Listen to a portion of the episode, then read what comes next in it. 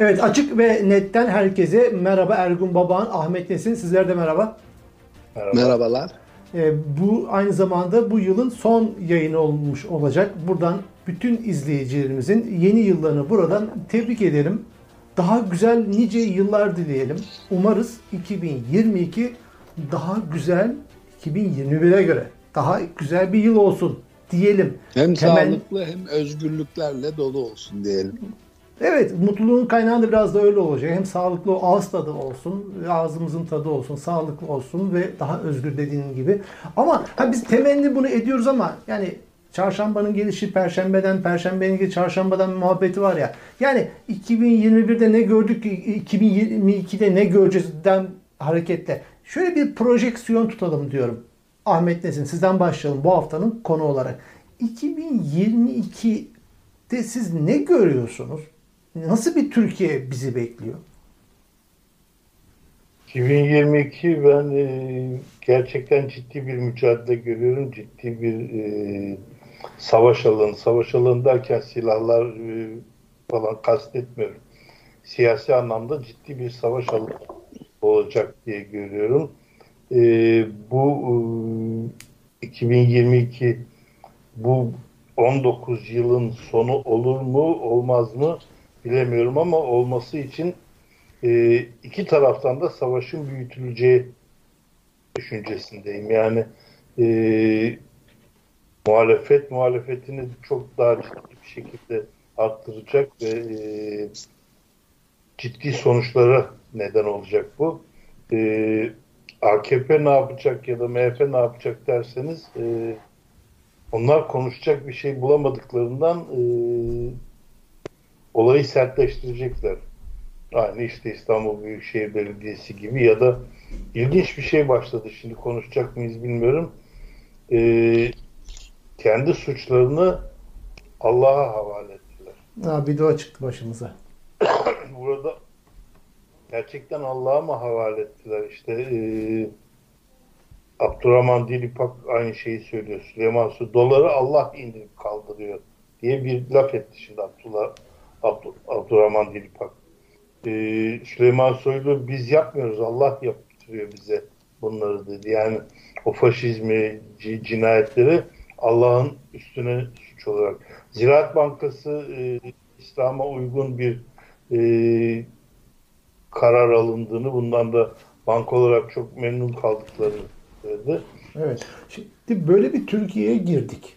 Baban şimdi şimdi 2021'de yüzlerce bebek hapiste, Kürtlere, cemaate, zulümler, hapisler, işkenceler hep devam etti 2021'de. 2022 açısından hem özgürlükler bağlamında Erdoğan'ın neler yapabileceği bağlamında ortada çünkü çok gergin. Çok gergin e, e, var. Gerginlikler devam ediyor söylemlerini gitgide sertleştiriyor Erdoğan. Sen nasıl görüyorsun? Bir taraftan da ekonomi, enflasyon aldı başını gidiyor ve dolar durdurulamıyor her şeye rağmen. Sen de nasıl bir perspektif, nasıl bir projeksiyon görüyorsun 2022'de? Ee, her şey gelip geçiyor.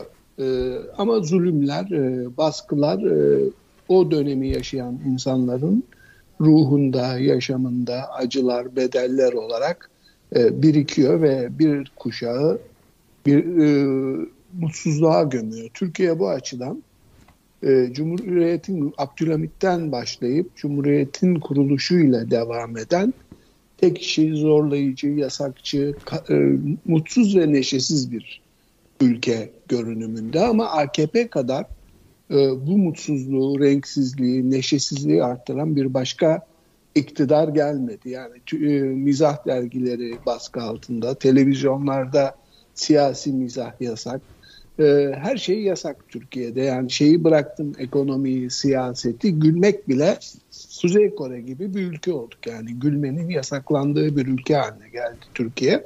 Ahmet'e katılıyorum. 2022 çok sert geçecek. HDP'ye saldırılar, CHP'ye baskılar, AKP önünde muhtemelen patlayacak bombalarla e, gerilimli bir yıla Baban giriyoruz. Sen... Erken e, sözünü unutma ama dün de tweet attın sen bu şey Taner Ay'ın e, trafik kazasındaki evet. e, ölmesiyle alakalı, vefatıyla alakalı e, Osmaniyen Germaniyan'ın yöneticilerinden Avrupa'da suç örgütü lideri olarak tanımlanan bir yapı ve kişiydi. Ve Taner Ay, Mevlüt Çavuşoğlu, Süleyman Soylu, Hulusi Akar, Hakan Fidan her baba yiğit bunlarla fotoğraf çektiremez. Hele Hakan Fidan'la boy boy fotoğrafları 30 olan. Ağustos sanıyorum o törenlerde çekilmiş o fotoğraflar. Ben, ben Sarayda. baba, baba, baba yiğit bunlarla fotoğraf çekti. Yani şimdi ilginç e, yani şunu e, sorayım size. Yani çok şeyler bilenlerin temizlendiği döneme mi girdik acaba?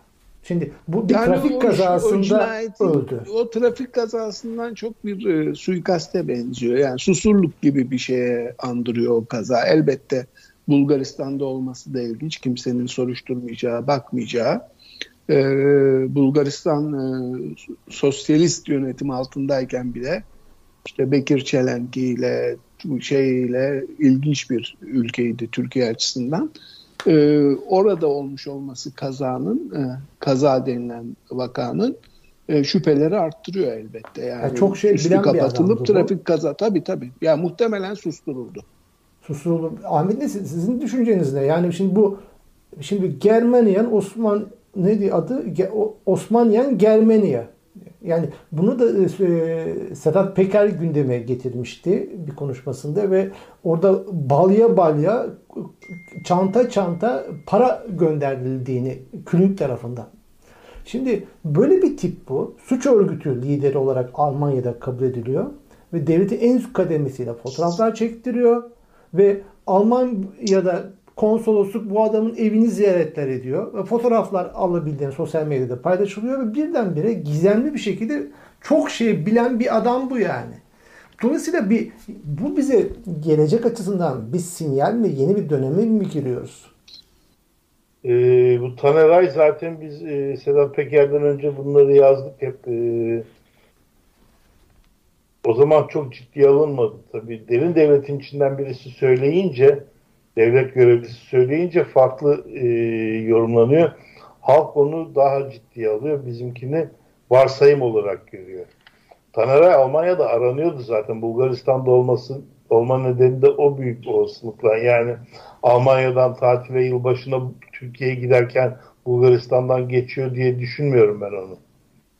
Almanya'da aranan e, ve Almanya'dan kaçan e, birisi. Bu Sedat Peker'in açıklamaları döneminde mi daha mı önce tam anımsamıyorum şimdi ama e, Almanya'dan dönmüyor Türkiye'ye.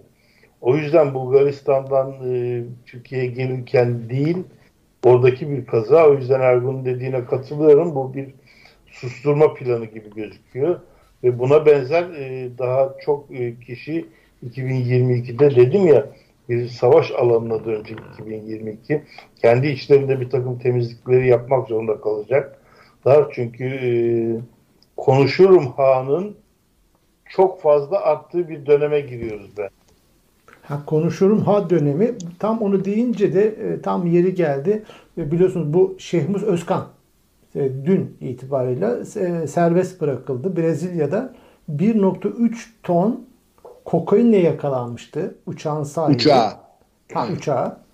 E, tutuklandıktan sonra Instagram hesabı derhal aktif oluyor ve bir anda Soylu ve Ethem Sancak'la fotoğraflar yükleniyor. Sonra ne mi oluyor? Sonra tahliye oluyor. Nasıl? Süleyman, Süleyman Soylu'yla fotoğrafta yükleniyor ve tahliye oluyor. Ha, Süleyman Soylu. Süleyman Soylu'yla.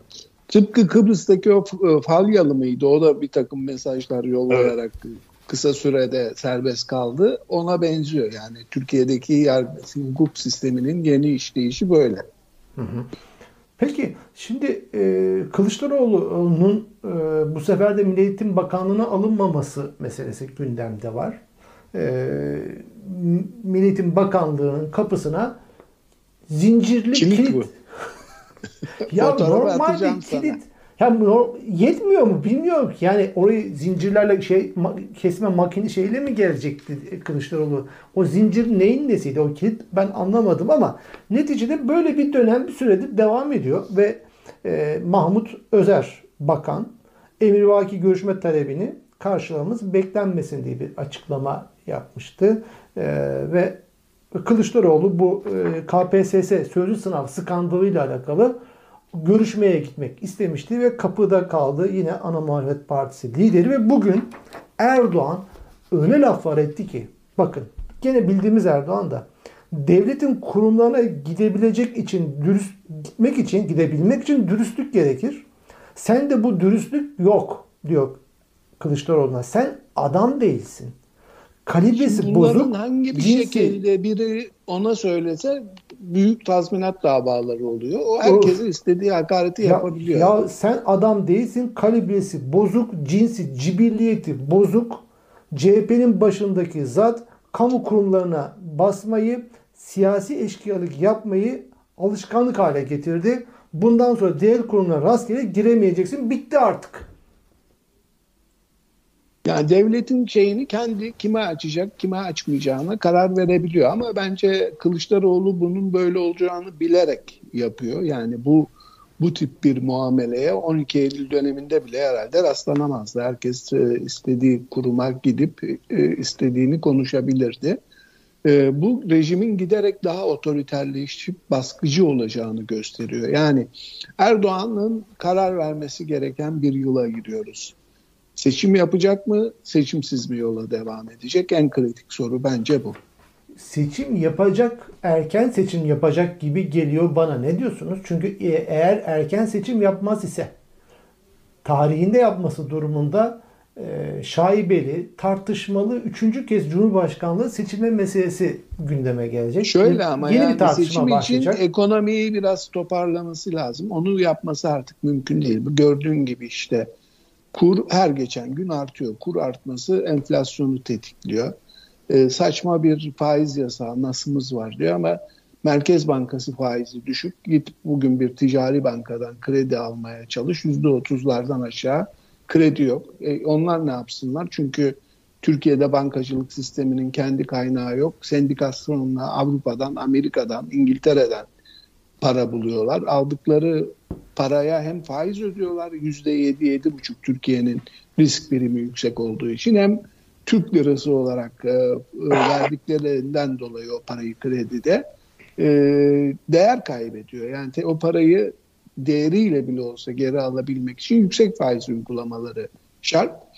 E, bu tabloda da işte bugün e, geçici bir refah sağlanan e, asgari ücretlerin, yarın mı açıklanacak e, emeklilerin 3 ay sonra 1990'larda da böyleydi. Yani biz ilk zammı aldığımızda 3 ay, 4 ay çok güzel geçerdi. Sonradan işte o doların yükselişi, enflasyonun artışı tekrar e, geçim sıkıntısını başlatırdı hepimize. Yaşımız hepimizin yakın. E, hatırlıyoruz hepimiz yani o gerçekten. Peki erken seçim sence evet bir taraftan ihtiyacı var bence ama ekonomi de onu erken seçime götürecek bir durumu da yok. Ee, yani Şöyle metropole bakınca Kürtler kilit parti. Yani muhalefetin e, bu e, korkunç e, yönetim AKP MHP ortaklığı karşısında hala bir üstünlüğü yok açık üstünlüğü. Yani e, şeyi hatırlarsak Erdoğan'ın e, AKP'nin ilk kazandığı seçimi 2002'de hem ANAP hem DSP hem DYP çökmüştü yani o ekonomik tablonun sonucu olarak. E, bugün AKP'de hatta MHP'de benzer bir çöküşü görmüyoruz. Yani yüzde bir, iki oy kaybediyor, sekiz kaybediyor ama yüzde otuzluk yakın geçmişte AKP'yi az önce e, Özer Sencer Bey paylaşmış kesim. Kararsız hala. Başka bir partiye gidemiyor. Deva'ya da gitmiyor, geleceğe de gitmiyor. ben sana CHP 'yi rakamları bırak. söyleyeyim. Metropol dedin ya. Kararsızlar yüzde 25.9. Şu anda kararsızlar birinci parti Türkiye'de. Şimdi burada burada bir yanılma yanılma payı var. Bu kararsızlar çok tartışılıyor. Önce şunu söyleyeyim. Milli Eğitim Bakanı e, yaptığını e, söyleyeyim. Yani ciddi bir terbiyesizlik. Ne olursa olsun sizi bir ana muhalefet partisi randevu için arıyorsa o sırada meşguldünüz, cevap veremediniz. internet üzerinden bir cevap gönderilir. Reddedebilirsiniz. Bu da gayet anlaşılabilir bir şey. Ama mutlaka e, bir cevabı olması ve kilit takılmaması gere- gerekiyor. Yani bu ciddi bir O tercih- kararı o vermiyor tabii. Onu emri saraydan geliyor. ayrı mesele. Yani o Kılıçdaroğlu'nun o sıradaki muhatabı sonuçta Mil- Milli Eğitim Bakanı. Ee, verdirtmesi lazım ya da yani bir insan olan yapması lazım. Şimdi bu kararsızlar iki yıldır Türkiye'de çok tartışılıyor. Yüzde 25 gibi. Şimdi şöyle bir yanlış var gibi geliyor bana. Bu tartışmaların hepsi, bu araştırmaların hepsi yüzde yüz üzerinden yapılıyor. Yüzde yüz üzerinden yapıldığında kararsızların bu kadar olması yanlış bir sonuç ortaya çıkartıyor. Nedir o? Türkiye'nin zaten yüzde on beşi, on sekizi, yirmisi seçime katılmıyor. O yüzden yüzde yüz üzerinden bu kararsızları yaptığınızda o katılmayanlar yokmuş gibi düşünüyoruz. Yani bu kadar değil diyorsunuz öyle mi kararsızların? Hayır, mümkün değil bu, bu kadar olması. Çünkü Ama yani, sonuç itibariyle e, kamuoyu araştırması istatistik bilimi onu hesaplıyorlar. Yani hepsini Hayır, hesaplıyorlar. katılmayan yüzde yirmi deyip de yüzde seksen üzerinden hesap yapmıyor araştırma şirketi. Ama yani sonuçta bakınca 3 aşağı 5 yukarı e, yani güvenilir saygın araştırma şirketlerinin seçim sonucunu yakına gerçeğe uygun bir yakınlıkla bildiğinde görüyoruz. %25.9 olmasın. Ya %15 olsun. Yani dahi Kararsızım diyor adam. Ko- yani korkunç bir rakam bu. Yani iktidardan ümidi kesmiş, muhalefete de eli varmıyor. Ve bence o karar sandık başına gittiğinde o kararsızların azalacağını hepimiz biliyoruz. O kararsızların çoğu AKP tarafından ve hep şöyle bakıyorlar olaya. Acaba bir umut ışığı çıkar da biraz e, toparlar da ben hala buradan kar etmeye devam edebilir miyim? Yoksa son anda o sandığa gittiğimde İyi Parti e, gelecek şey e, Ahmet Davutoğlu ve Ali Babacan arasında bir seçim yapmak zorunda kalacağım diyen bir grup var. Kararsız dediğimiz grup o grup bence. Mutlaka Erdoğan şapkadan tavşan çıkartırsa ki olanak dışı ama diyelim ki çıkarttı. O zaman o kararsız dediğimiz seçmen AKP'ye oy verecek. Ama bu mü- mümkün görünmediği için bence o kararsız seçmen 3 sağ parti arasında hatta buna saadeti de kapat katabiliriz. Onu saadeti toparlamak e, bundan sonra olur mu olmaz mı diye düşünen bir kesim de olabilir. Dört parti arasında gidip geliyor. Onun için kararsızların partisi bence bu dört partiden bir tanesi olacak. Dediğim gibi Seçim eğer yapmama ihtimali görüyor musunuz peki? Hı? Erdoğan'ın hiç seçim yapmama bir olağanüstü hal yara, durum yaratarak. görüyorum işte o yüzden 2022 çok zor geçeceğini ve bu olasılığın çok yüksek olduğunu görüyorum. Bunu da e, Yani hiç seçim yapmadan devam etmek gibi. hiç seçim yapmadan çok ciddi bir e, kargaşa Başka da bir alternatif aslında Erdoğan önünde gözükmüyor yani. Gerçi Şimdi- Rusya, Azerbaycan bile seçim yapıyor yani. Seçimsiz bir e, rejimle Türkiye'yi yönetebilir mi? Çok o Yani kadar çok büyük uzun ve süre Son- götüremez Hayır, ama Sonra son TÜSİAD çıkışlarını falan filan gördüğümüzde e, işte askeriyedeki istifa mektuplarının bir sürüsünün cepte olduğunu düşündüğümüzde buna e, bu olası gözükmüyor ama Erdoğan bu arada ciddi bir şekilde Sadat'ı çok fena güçlendiriyor. Yeni emekli kimine göre de Sadat'ı zayıflatıyor yani. Yok, Orada iki şey var, görüş var. Hulusi Akar'ın yani tamamen hakim olduğu silahlı kuvvetlere yönünde de iddialar var. Hulusi Akar o e, şeyi neydi adamın adı soyadı Sadat'taki arasının çok iyi olduğu da söyleniyor. Ya Yani- bunun Ahmet desin bunun Sonuç anlamı ne? itibariyle Sadat Hulusi Akar'ın başında olduğu kurumun rakibi. Çok iyi olması mümkün değil. Evet. Ee, o e, şey istemez yani silahlı kuvvetlerde her kademede çalışmış, genelkurmay başkanlığı yapmış bir kişi do- normalde kendi kurumuna rakip bir kurumun gelişip güçlenmesini istemez. Onun yurt dışında profesyonel silahlı asker gibi e, savaşması çok sıkıntı yaratmaz ama yurt içindeki varlığı e, bence tedirgin eder şeyi. Eder ama Hulu- Hulusi Akar'a mı soracak onu Erdoğan? Valla işte Ama Hulusi Akar'ın da öyle bir gücü olduğunu öngörmeliyiz yani. Süleyman Soylu da bir sürü şeyi sormuyordur Erdoğan'a bence. So- sonuçta şöyle bir şey var ama yani e, apoletleri sökülmüş sökülmüş derken mahkeme kararıyla değil artık apoletleri olmayan emekli olmuş bir komutan ne kadar güçlü olursa olsun E, o güç bir yere kadar. Ayrıca şu anda silahlı kuvvetlerin nasıl bir e, keşmekeş içinde olduğunu e, anlamak gerçekten çok zor. Çünkü e, jandarma komutanını görüyoruz. Alaaddin Çakıcı'nın çöktüğü fabrikaya benzer başka bir fabrikanın sahibine özel helikopterlerle ve başka albaylarla beraber gidip tebrikler edip birbirlerinden kucaklaşıyorlar. Yani böyle bir e, şeyin böyle e, yaşandığı var. bir dönem yok. Bu kadar açık ve şey. Evet. Ama Alem... Türkiye Cumhuriyeti tarihi bunlarla dolu aslında. İnsanlar bilmediği için her şey ilk geliyor ama e, CHP döneminde de e, yani CHP'nin silahşörü Atatürk'ün bilinen bir fedainin e, birlikte olduğu bir Rum kadını kendisini aldattığı gerekçesiyle öldürdüğünü e, sonra akıl sağlığı yerinde değildir diye beraat ettiğini ama üç dönemin üstüne sonradan bir kez daha milletvekili seçildiğini tarih yazıyor. Yani bu Mehmet Ağrınoğlu ile ilgili iddialar falan bu topraklarda ilk yaşanan, ilk kez Aynen. gördüğümüz olaylar değil.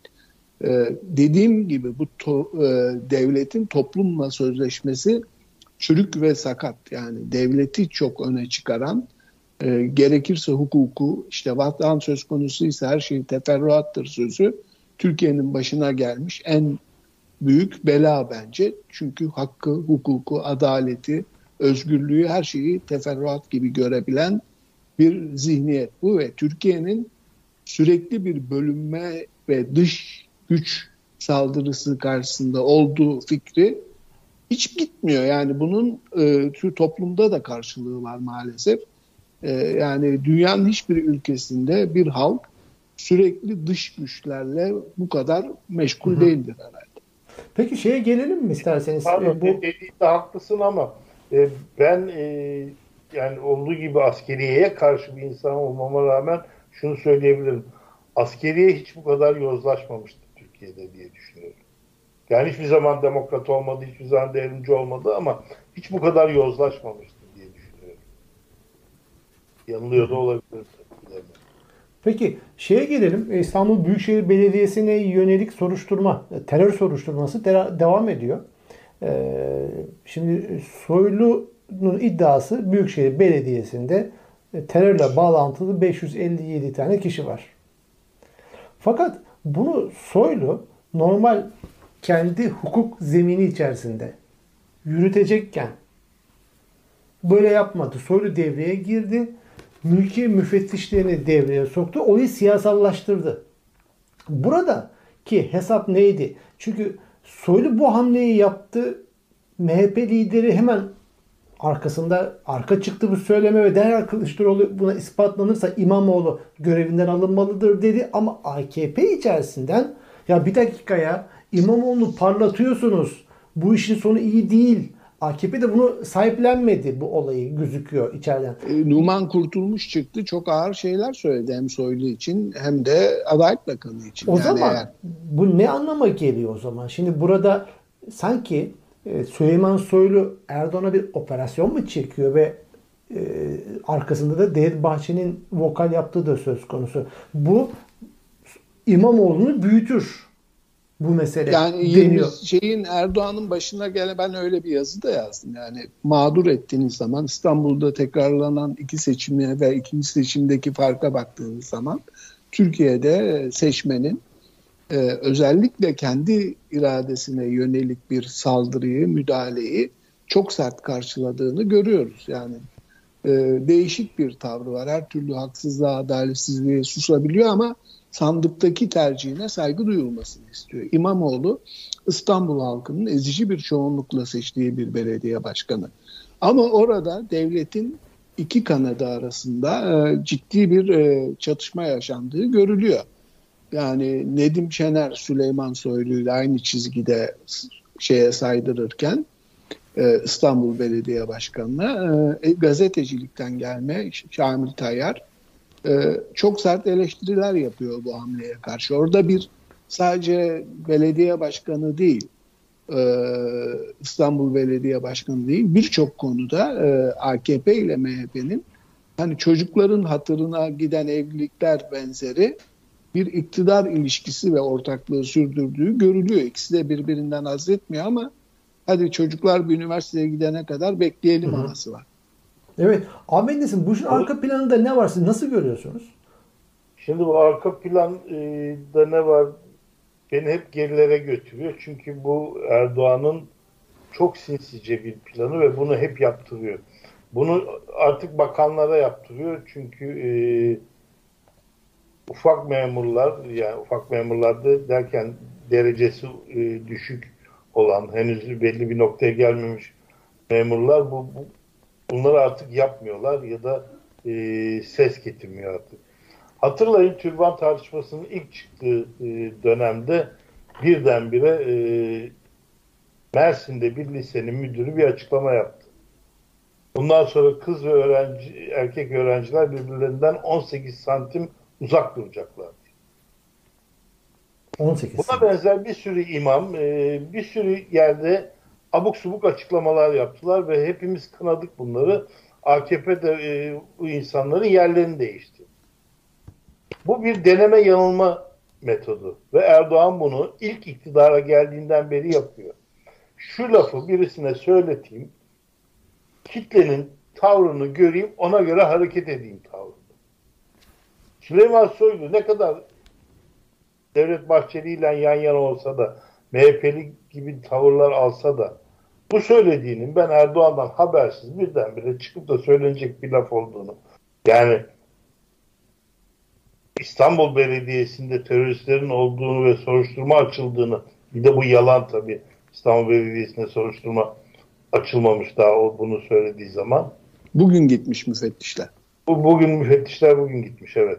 Sanıyorum ki zaten orada bir kadro açılınca ya da belediye eleman alacaksa onun bir e, güvenlik soruşturması oluyordur yani doğal olarak Ya bu mı? rejimin altında.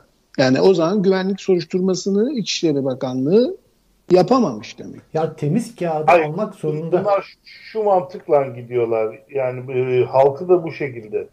Selahattin için de aynı şeyi söylüyorlar. Yargılanmayla terörist olmayı eşit görüyorlar. Yani mahkemenin kararının ne olup olmadığı onlar için umurunda, umurlarında değil. Şu andaki hakimler aynı şekilde davranıyor. Basın da aynı şekilde anlatıyor bu insanlara. Bunlar yargılanıyor mu? Bitti olay. Şimdi tabii Türkiye'de bir de o iki yüzlü e, davranışı da görüyoruz. İstanbul Belediyesi olunca işte CHP medyası şu bu herkes e, tepki gösteriyor ama Kürt coğrafyasında belediye başkanları birer ikişer devrilirken e, ağzını açmamış bir e, medya e, muhalefet cephesinin varlığını da görüyoruz. Yani herkes kendisine demokrat, herkes devletin düşman olduğuna düşman toplumsal gerçek bir e, muhalefet yapma ya da toplumu e, tıpkı CHP şeyde çok başarılı bir şekilde yönetti Kılıçdaroğlu. Bence en büyük payı o. Muhafazakarlarla CHP tabanını barıştırdı. Ama Kürt meselesinde aynı şeyi yeni yapmaya başladı. Evet. Peki Şimdi burada bu- Ahmet desin siz aslında şeyi tamamlamadınız. Yani e, buradaki hesap ne? Yani soylu olayı siyasi zemine çekerek halk çok ne yapmaya çalışıyor? göstermezse olayı büyütecekler ve İstanbul e, İstanbul'a birisini atayacaklar. Yani atamayacaklar. O bir tane bir e, adam çıkıyor ya işte meclis başkanı, AKP meclis başkanı. Onu belediye başkanı yapacaklar. Ondan sonra da zaten e, umutları şu e, eğer Ekrem İmamoğlu Erdoğan'ı geçecekse Cumhurbaşkanlığında böyle bir suçtan içeri atarım o aday da olamaz. Bunlar bir gerçeklik var. Seninden çok geneli- sanki şey bu İstanbul rantının kesilmiş olması rahatsız ediyor. Ha, gördüğümüz kadarıyla AKP'nin en büyük e, rant kaynağı İstanbul. trilyonlar. Onu kullanamıyor şu anda. Onun Yok. rahatsızlığı var. Peki şey ne diyorsunuz? Şimdi Soylu üzerine biraz daha hani odaklanalım diye soruyorum. Şimdi Soylu çok yıprandı. Özellikle salvo atışları e, Sedat Peker üzerinden geldi. Çok yıprandı. Erdoğan da şu veya bu sebeple onu orada tutuyor ve görevinden alamıyor. Aslında çok yıpranmış. Adı da Suç İşleri Bakanı'na dönmüş bir Süleyman Soylu var karşımızda. Ancak Süleyman Soylu'nun belki de ait olduğu diğer yapı, devletin iktidar ortağı yapı Süleyman Soylu'yu niye orada tutuyor? Yani buradaki düşünceniz nedir? Yani Erdoğan'ın ölümcül hatalar yapması için Süleyman Soylu'yu orada mı tutmak niyetindeler? Süleyman Soylu'nun oradaki misyonu ne sizce? İktidardaki. Derin, derin devletin böyle bir planı mutlaka var ve e, Süleyman Soylu ilk defa böyle bir AKP için pot kırmıyor. Hatırlayın bundan önceki seçim ya da daha önceki seçim yani 3 e, yılı içindeki olan bir şeyde e, koronanın yeni çıktığı dönemdeki seçim için. Almanya işte şu bu ülkeler için çok e, turizmi tersine körükleyecek cümleler kurmuştu. Yani e, muhalefet partisi bu cümleyi kursaydı çok iyi konuştu diyebileceğimiz konuşmalar yaptı. Kılıçlı şeyin e, Soylu'nun ciddi böyle bir görevi var. Şu da olabilir. E, e, Türkiye şu anda Irak'ta, Suriye'de, Libya'da bir sürü yerde e, İslamcı militanlarla da dahil olmak üzere geniş bir operasyon varlık gösteriyor. Ve buna kaynak gerekiyor. Ee, o kaynağın işte insan kaçakçılığı, uyuşturucu kaçakçılığı, tarihi eser kaçakçılığı dahil olmak üzere e, bir takım karanlık eylemlerle e, finanse edilmiş olabileceği geçmişte olduğu gibi e, bir gerçek. Yani o yüzden de şu anki e, dengenin yürümesi gerekiyor olabilir Türkiye'de. Bir başka bir olay daha var tabii. Erken seçim tartışıldığı her noktada MHP Erdoğan'ı kazıklamak için her şeyi yapacaktır. Çünkü eğer seçim sistemini değiştirmeden e, erken seçim olur ve seçime gidilirse az bir olasılık ama olursa MHP'nin tekrar meclis dışına çıkma olasılığı var. Ya da 20'ye 15-20 milletvekiline düşme olasılığı var. 80'ler öncesi gibi e, şeye düşme olasılığı var. Şimdi hep konuşuluyor ya Ergun da demin söyledi. İşte e, Erdoğan ANAP'ın e, işte doğru yolun e, işte MHP'nin zayıfladığı dönemde.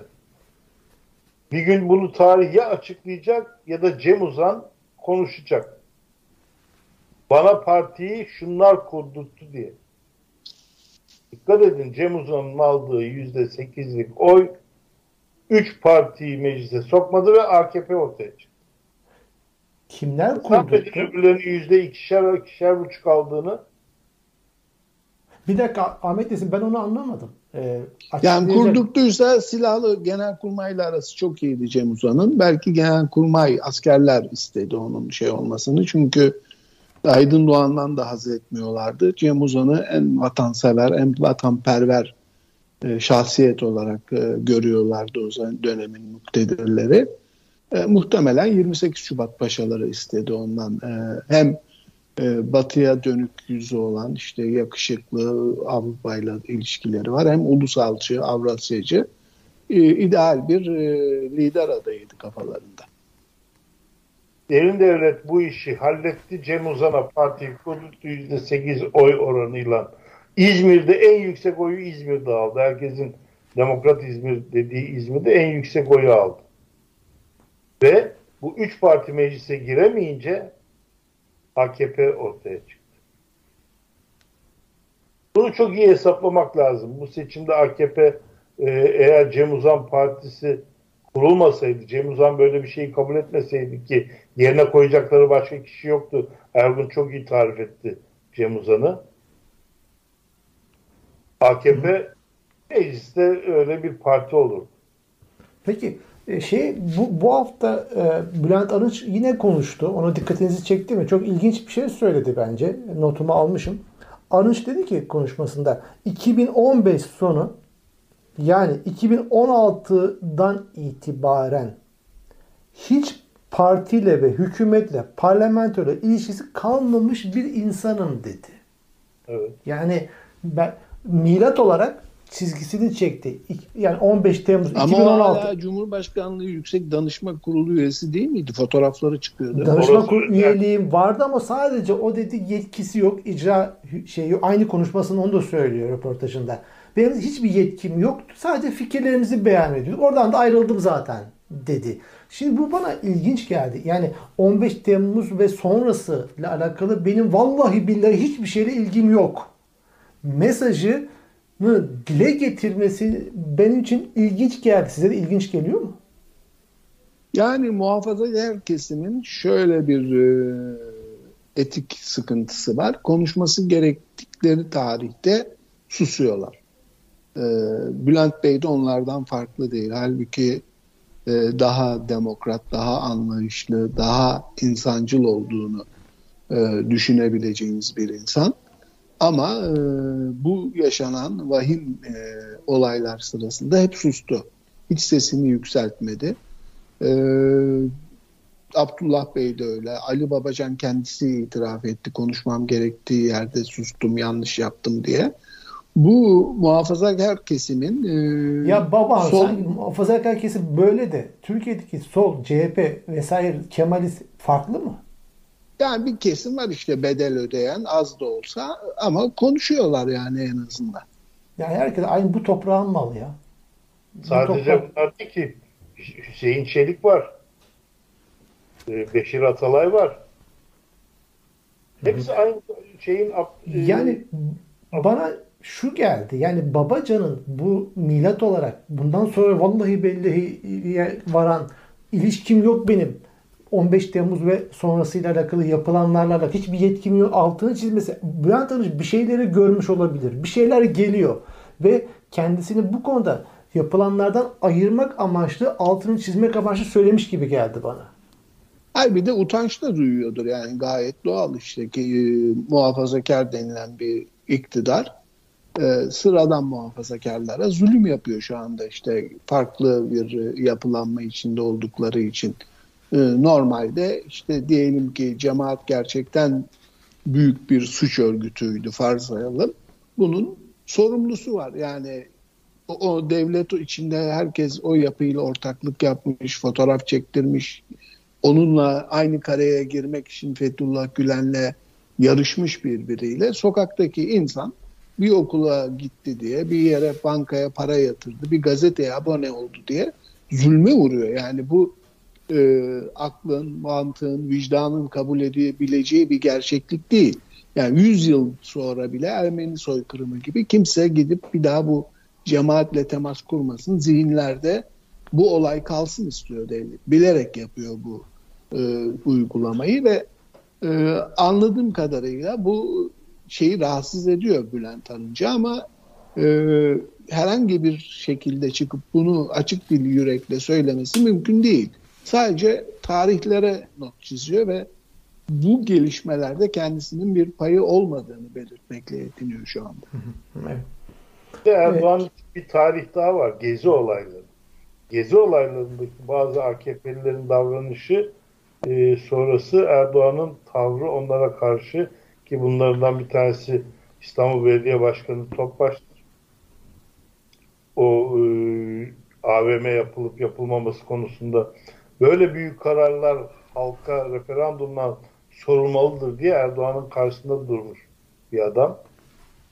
İstanbul Valisi, İstanbul Emniyet Müdürü e, insan öldürülmemesi için çok ciddi çaba sarf ettiler. Bunu biliyoruz. Yani siyasetlerini beğenip beğenmemek ayrı bir şey ama o dönemi iyi görmek gerekiyor. Şeyi işte yeterince sert olmadığı için azarlayarak ağlattığı söylenir ya Hüseyin Avni Mutlu'yu. Evet Hüseyin Avni, evet. Hüseyin Avni Mutlu devamlı e, Gezi'deki insanlara Twitter'dan bir şeyler yazan bir insandı. Yani e, gerçekten insan öldürülmemesi için elinden geleni yaptığını söyleyebilirim. E, o zaman gördük bunu. İnsanlar... Yani bir söylentiye göre başbakanlıkta kurdurduğu kamera sistemiyle sokak sokak müdahale emirlerini bizzat Erdoğan vermiş. Şey. Evet. İstanbul Emniyeti'nin. Aynı açıklamaları Bülent Arınç yaptı.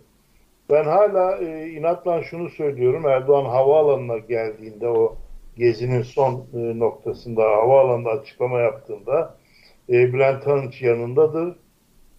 E, birdenbire Emine Erdoğan Bülent Arınç'ı şöyle eliyle e, iterek arka plana sokar.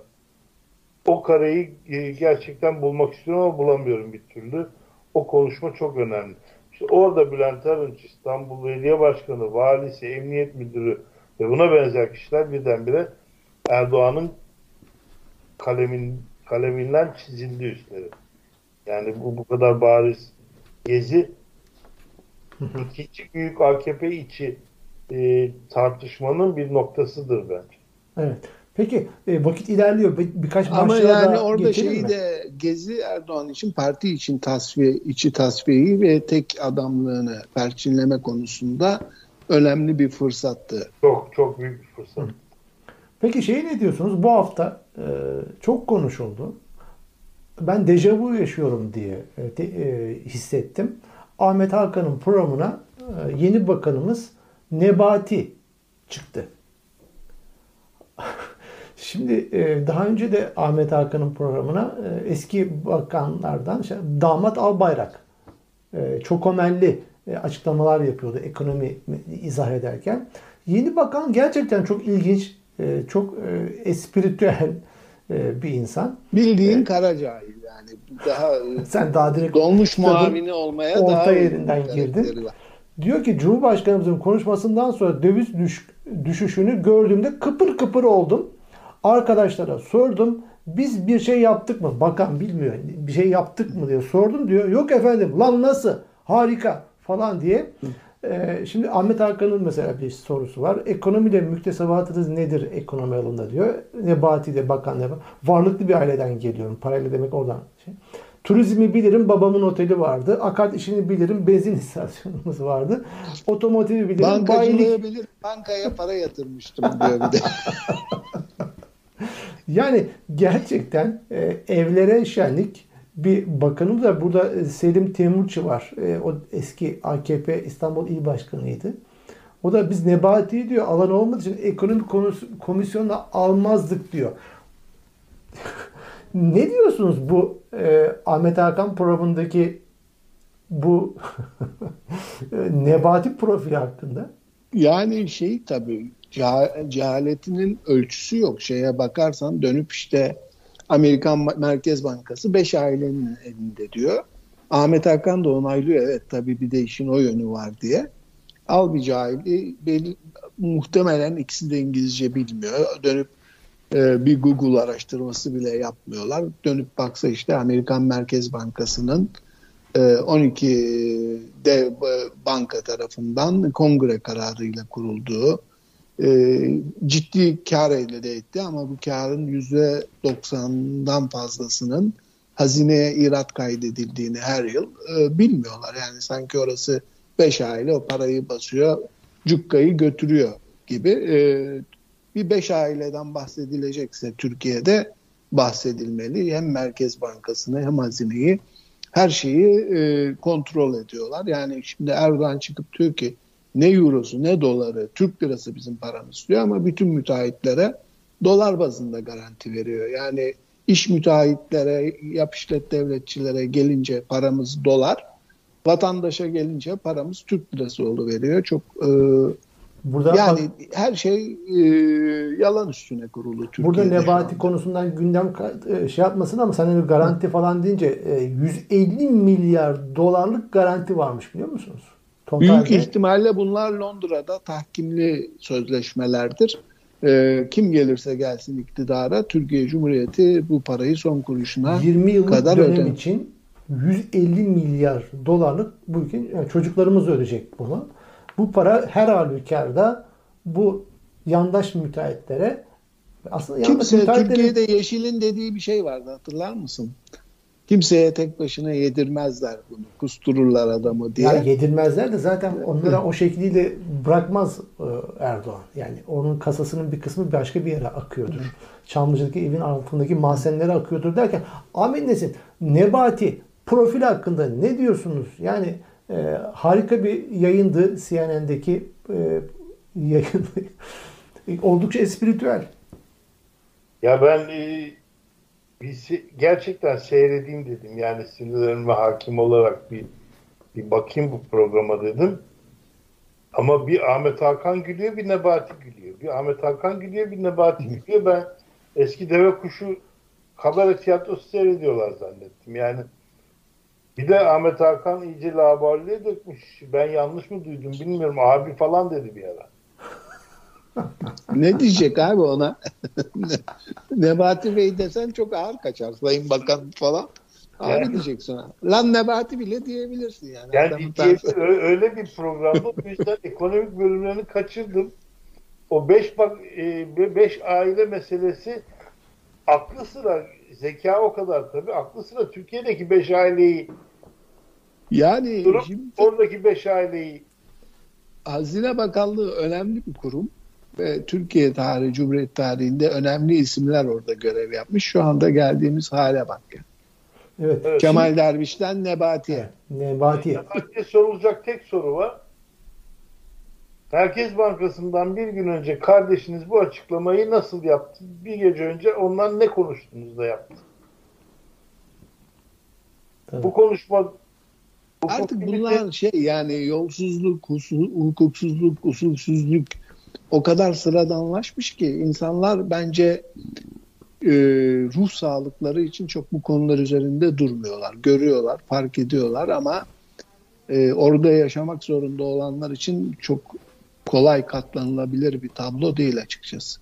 Peki şimdi Ahmet Hakan deyince aklıma e, geldi bu bu hafta e, Aziz Papuççu e, İstanbul AKP İstanbul Milletvekili'nin bir tweet'i vardı. Dedi ki sabrın sonu diye başlık atmış tweetine. Tweetinde şunu söylüyor. TV'lerde AK Parti'yi temsil ettiği iddiasıyla konuşan gazeteci ve programcılar artık çözülmesi gereken önemli bir sorundur. Bu isimler durumdan vazife çıkarıyorlarsa vazifelerine son vermek lazım. Vazifelerine son vermek lazım. Yok bu kişilere alan açıyorlarsa o zaman da oturup düşünmemiz lazım dedi. Gazeteci AKP'yi temsilen çıkıyor. İşlerine son vermek. hani biliniyor ama bunu alenen söyler hale geldiler ya. Ne diyorsunuz? Çünkü o kadar düşük kalite kaldı ki geriye. Yani o kadar bilgisiz bir kesim kaldı ki. Ve izlenmiyor tabii sonuç olarak. Evet, bir tek Ahmet Nesin izliyor CNN Türk'ü benim gördüğüm ha, o da itiraf etti. Başka şey. İtiraf etti.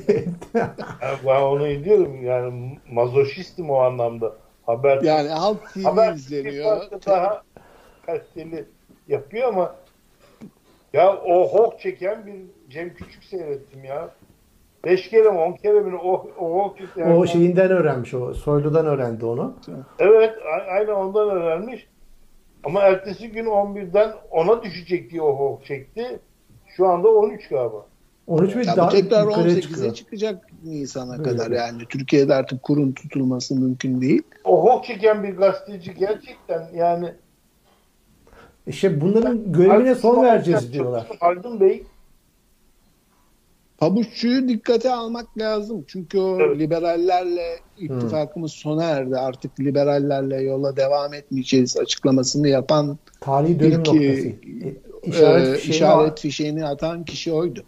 Sıradan biri değil. Yani Fakat bu, gazeteci adamları görevinden alıp Ama Erdoğan'ın da onlara ihtiyacı var. Yani Erdoğan'la o kimle konuşursa saçmalarsa saçmalasın o e, şeye e, e, borazanlara ihtiyacı var vazgeçemez. Fakat Ahmet Nesin sizin... Ab, Ab, Abdülkadir Selvi artık programlarda daha az konuşmayı tercih ediyor. O var mı hala programda? He? Çıkıyor o mu hala CNN hala? Yapıyor mu? Kendi çağrılıyor. Ama çok daha az konuşuyor. Düzenli az programcı mı yoksa konuk mu? Yok değil, değil. Konuk olarak çağrılıyor. Fakat yani Ahmet Nesin, onun işi kabine değişikliği yazmak. Olmayan kabine değişiklikleri uzmanı. Bu Murat Ongun e, Büyükşehir Belediyesi'nin basın sözcüsü değil mi sıfatı? Evet. E, bu Büyükşehir Belediyesi'ne terör soruşturması bilmem ne muhabbetleri ekranlarda sürekli konuşulunca o da söz hakkı istiyor. Ve sonuç Halk TV, Habertürk, KRT tamam diyor telefon bağlantısı kuracağız. Söz hakkı veriyoruz ama Ahmet Nesin sizin CNN Türk söz hakkı vermiyor. Vermez CNN Türk. Niye versin ya? CNN Türk'ün başında Bakanlığın kapısını kilitleyen adam sahibi ya. CNN Türk'ün kolay mı? ba- şu an başında Ahmet Hakan mı var CNN Türk'ün? Yoksa Hürriyet'in başında mı o? Hürriyet galiba ama güvenilirliği şuradan ölç yani e, Demirören aldıktan sonra Milli Piyango tarihinin en kötü dönemini yaşıyor. Piyango bile satmakta beceriksiz bir adam. Sıfıra düşmüş güven. Evet. Peki e, benim unuttuğum bir başlık derken Deniz Poyraz davasını ihmal etmeyelim. E, onu da bir kısa bir yorum yapalım. E, Ardından İstanbul'da girişilen saldırı şeyi Saldırı var. Yani o bunların hem HDP'ye hem AKP'ye eş güdümlü saldırıların artacağı bir döneme girmiş gibi Evet, görünüyor. Artacak diye düşünüyorum ben. Ve o güveni de nereden alıyor meselesi geldi. Ya, katil e, Onur Gencer'in rahat tavırları meclis e, şeydeki e, mahkemedeki Hemen gizlilik tavırlar. kararı geldi galiba zaten Evet. soruşturma. Ve ilginç e, bu katille taksiye binip otele giren kişi tespit ediliyor. Ankara'da görevli bir memur, emniyetçi olduğu ortaya çıkmış. Nasıl? E, Hrant'ın cinayetiyle aynı. Aynen işte Hrant- aynı fon. Ben söyleyecektim. Aynen Hrant'ın cinayetiyle aynı geçiyor. Hı hı. Peki benim atladığım bir başlık var mı? Şu an gözükmüyor. Gözükmüyor. Peki o zaman haftanın geyiklerine geçelim. Ahmet Nesin ilk geyikler sizden. Valla benim giyim bu, bu e, ne Nebati, Nebati'nin hani gözlerime bak şeyi var ya. O da aklıma şu geliyor ya. Tek başıma çıkırım ben dağlara, bala dağlara, bala dağlara, dağlara, bala dağlara. Cin görürem, can görürem, muhtelif elvan görürem. Bin türlü tufan görürem, korkmuyorum. Korkmanam. Yani bu, bu, bu şarkı aklıma geldi gözlerime bak deyince. Yani hakikaten e, artık e, her konuştuğumuz, her yaşadığımız e, bir trajikomik bir olay. O yüzden e, hangisini ele alacaksın bilemiyorum. İşte Peki. Yani- Ahmet Nesin başka geyik var mı? yok geyik, geyikler bu No- Noel'den sonra bitti. Şimdi yeni yılınız olsun diyeceğim. Evet. Peki. E, Ergun Baban. Bilgin Gökberk paylaşmış. İçişleri Bakanı'na göre ülkede kalan 160 teröristin 557'si İBB'de çalışıyor diyor.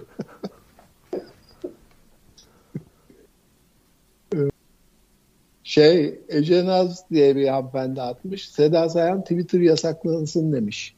Teessüf ederim. 8 kocası gittin. Biz sana evlilik yasaklansın diyor muyuz? diye. Ee, bir tane daha var. Ha, onun fotoğrafını attım. Bu Göksu'nun şeyi. Eli, hani elimizde data yok ama belediye koridorlarında konuşulan bir şeyler var diyordu Göksu. Ee, şişmanca bir resmini koymuşlar. Onu paylaşırsan okurlarla bu tweet'i görseliyle önemli. Can Baran paylaşmış. Elimde data yok. Hepsini yedim diyor. Yediğini de gösteren bir fotoğraf eşliğinde bu. O görünce komik. Ee, bir tane de sonuncu bakayım silinmediyse.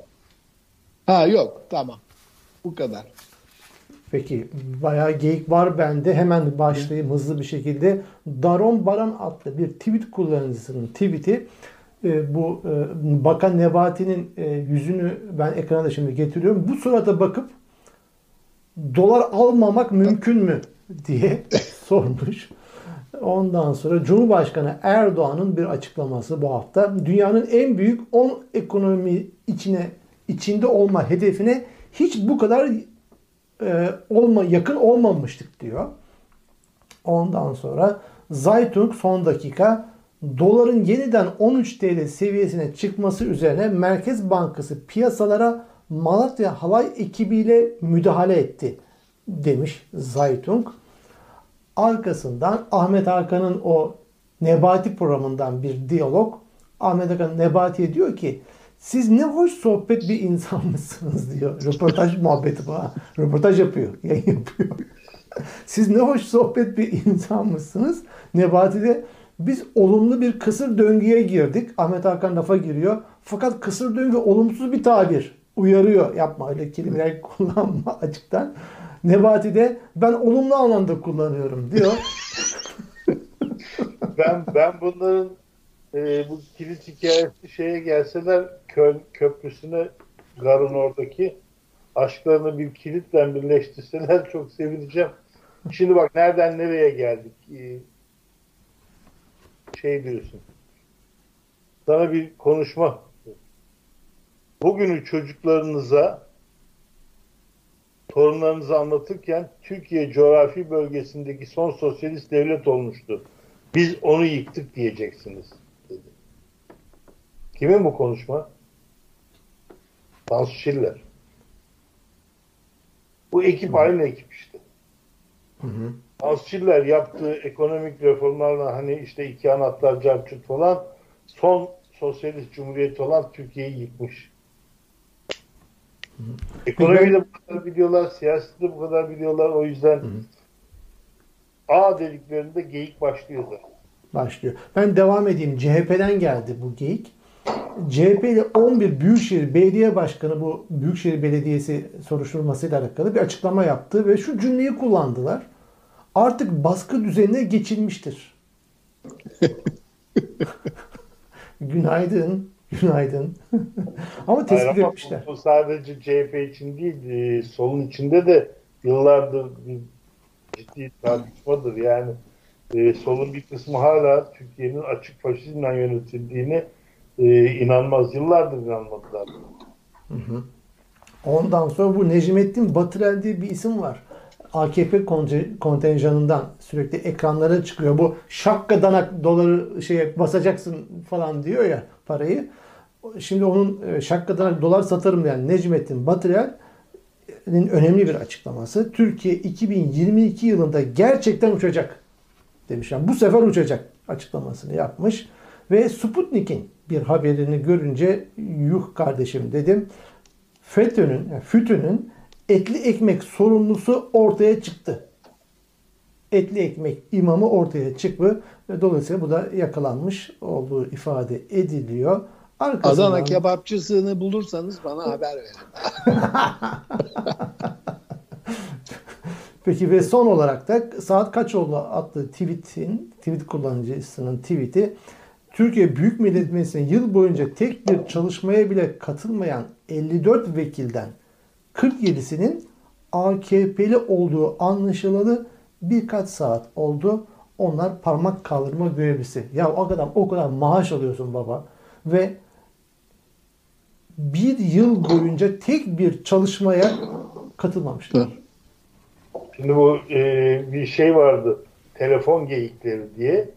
Bunları derlemişler, toplamışlar. Temel hava yollarına telefon açmış. Demiş ki Haçan kızım Trabzon'dan İstanbul'a gideceğim. Ne kadar diye. Bir saniye efendim demiş. Ulan o kadar çabuk mu? diye cevap verdi.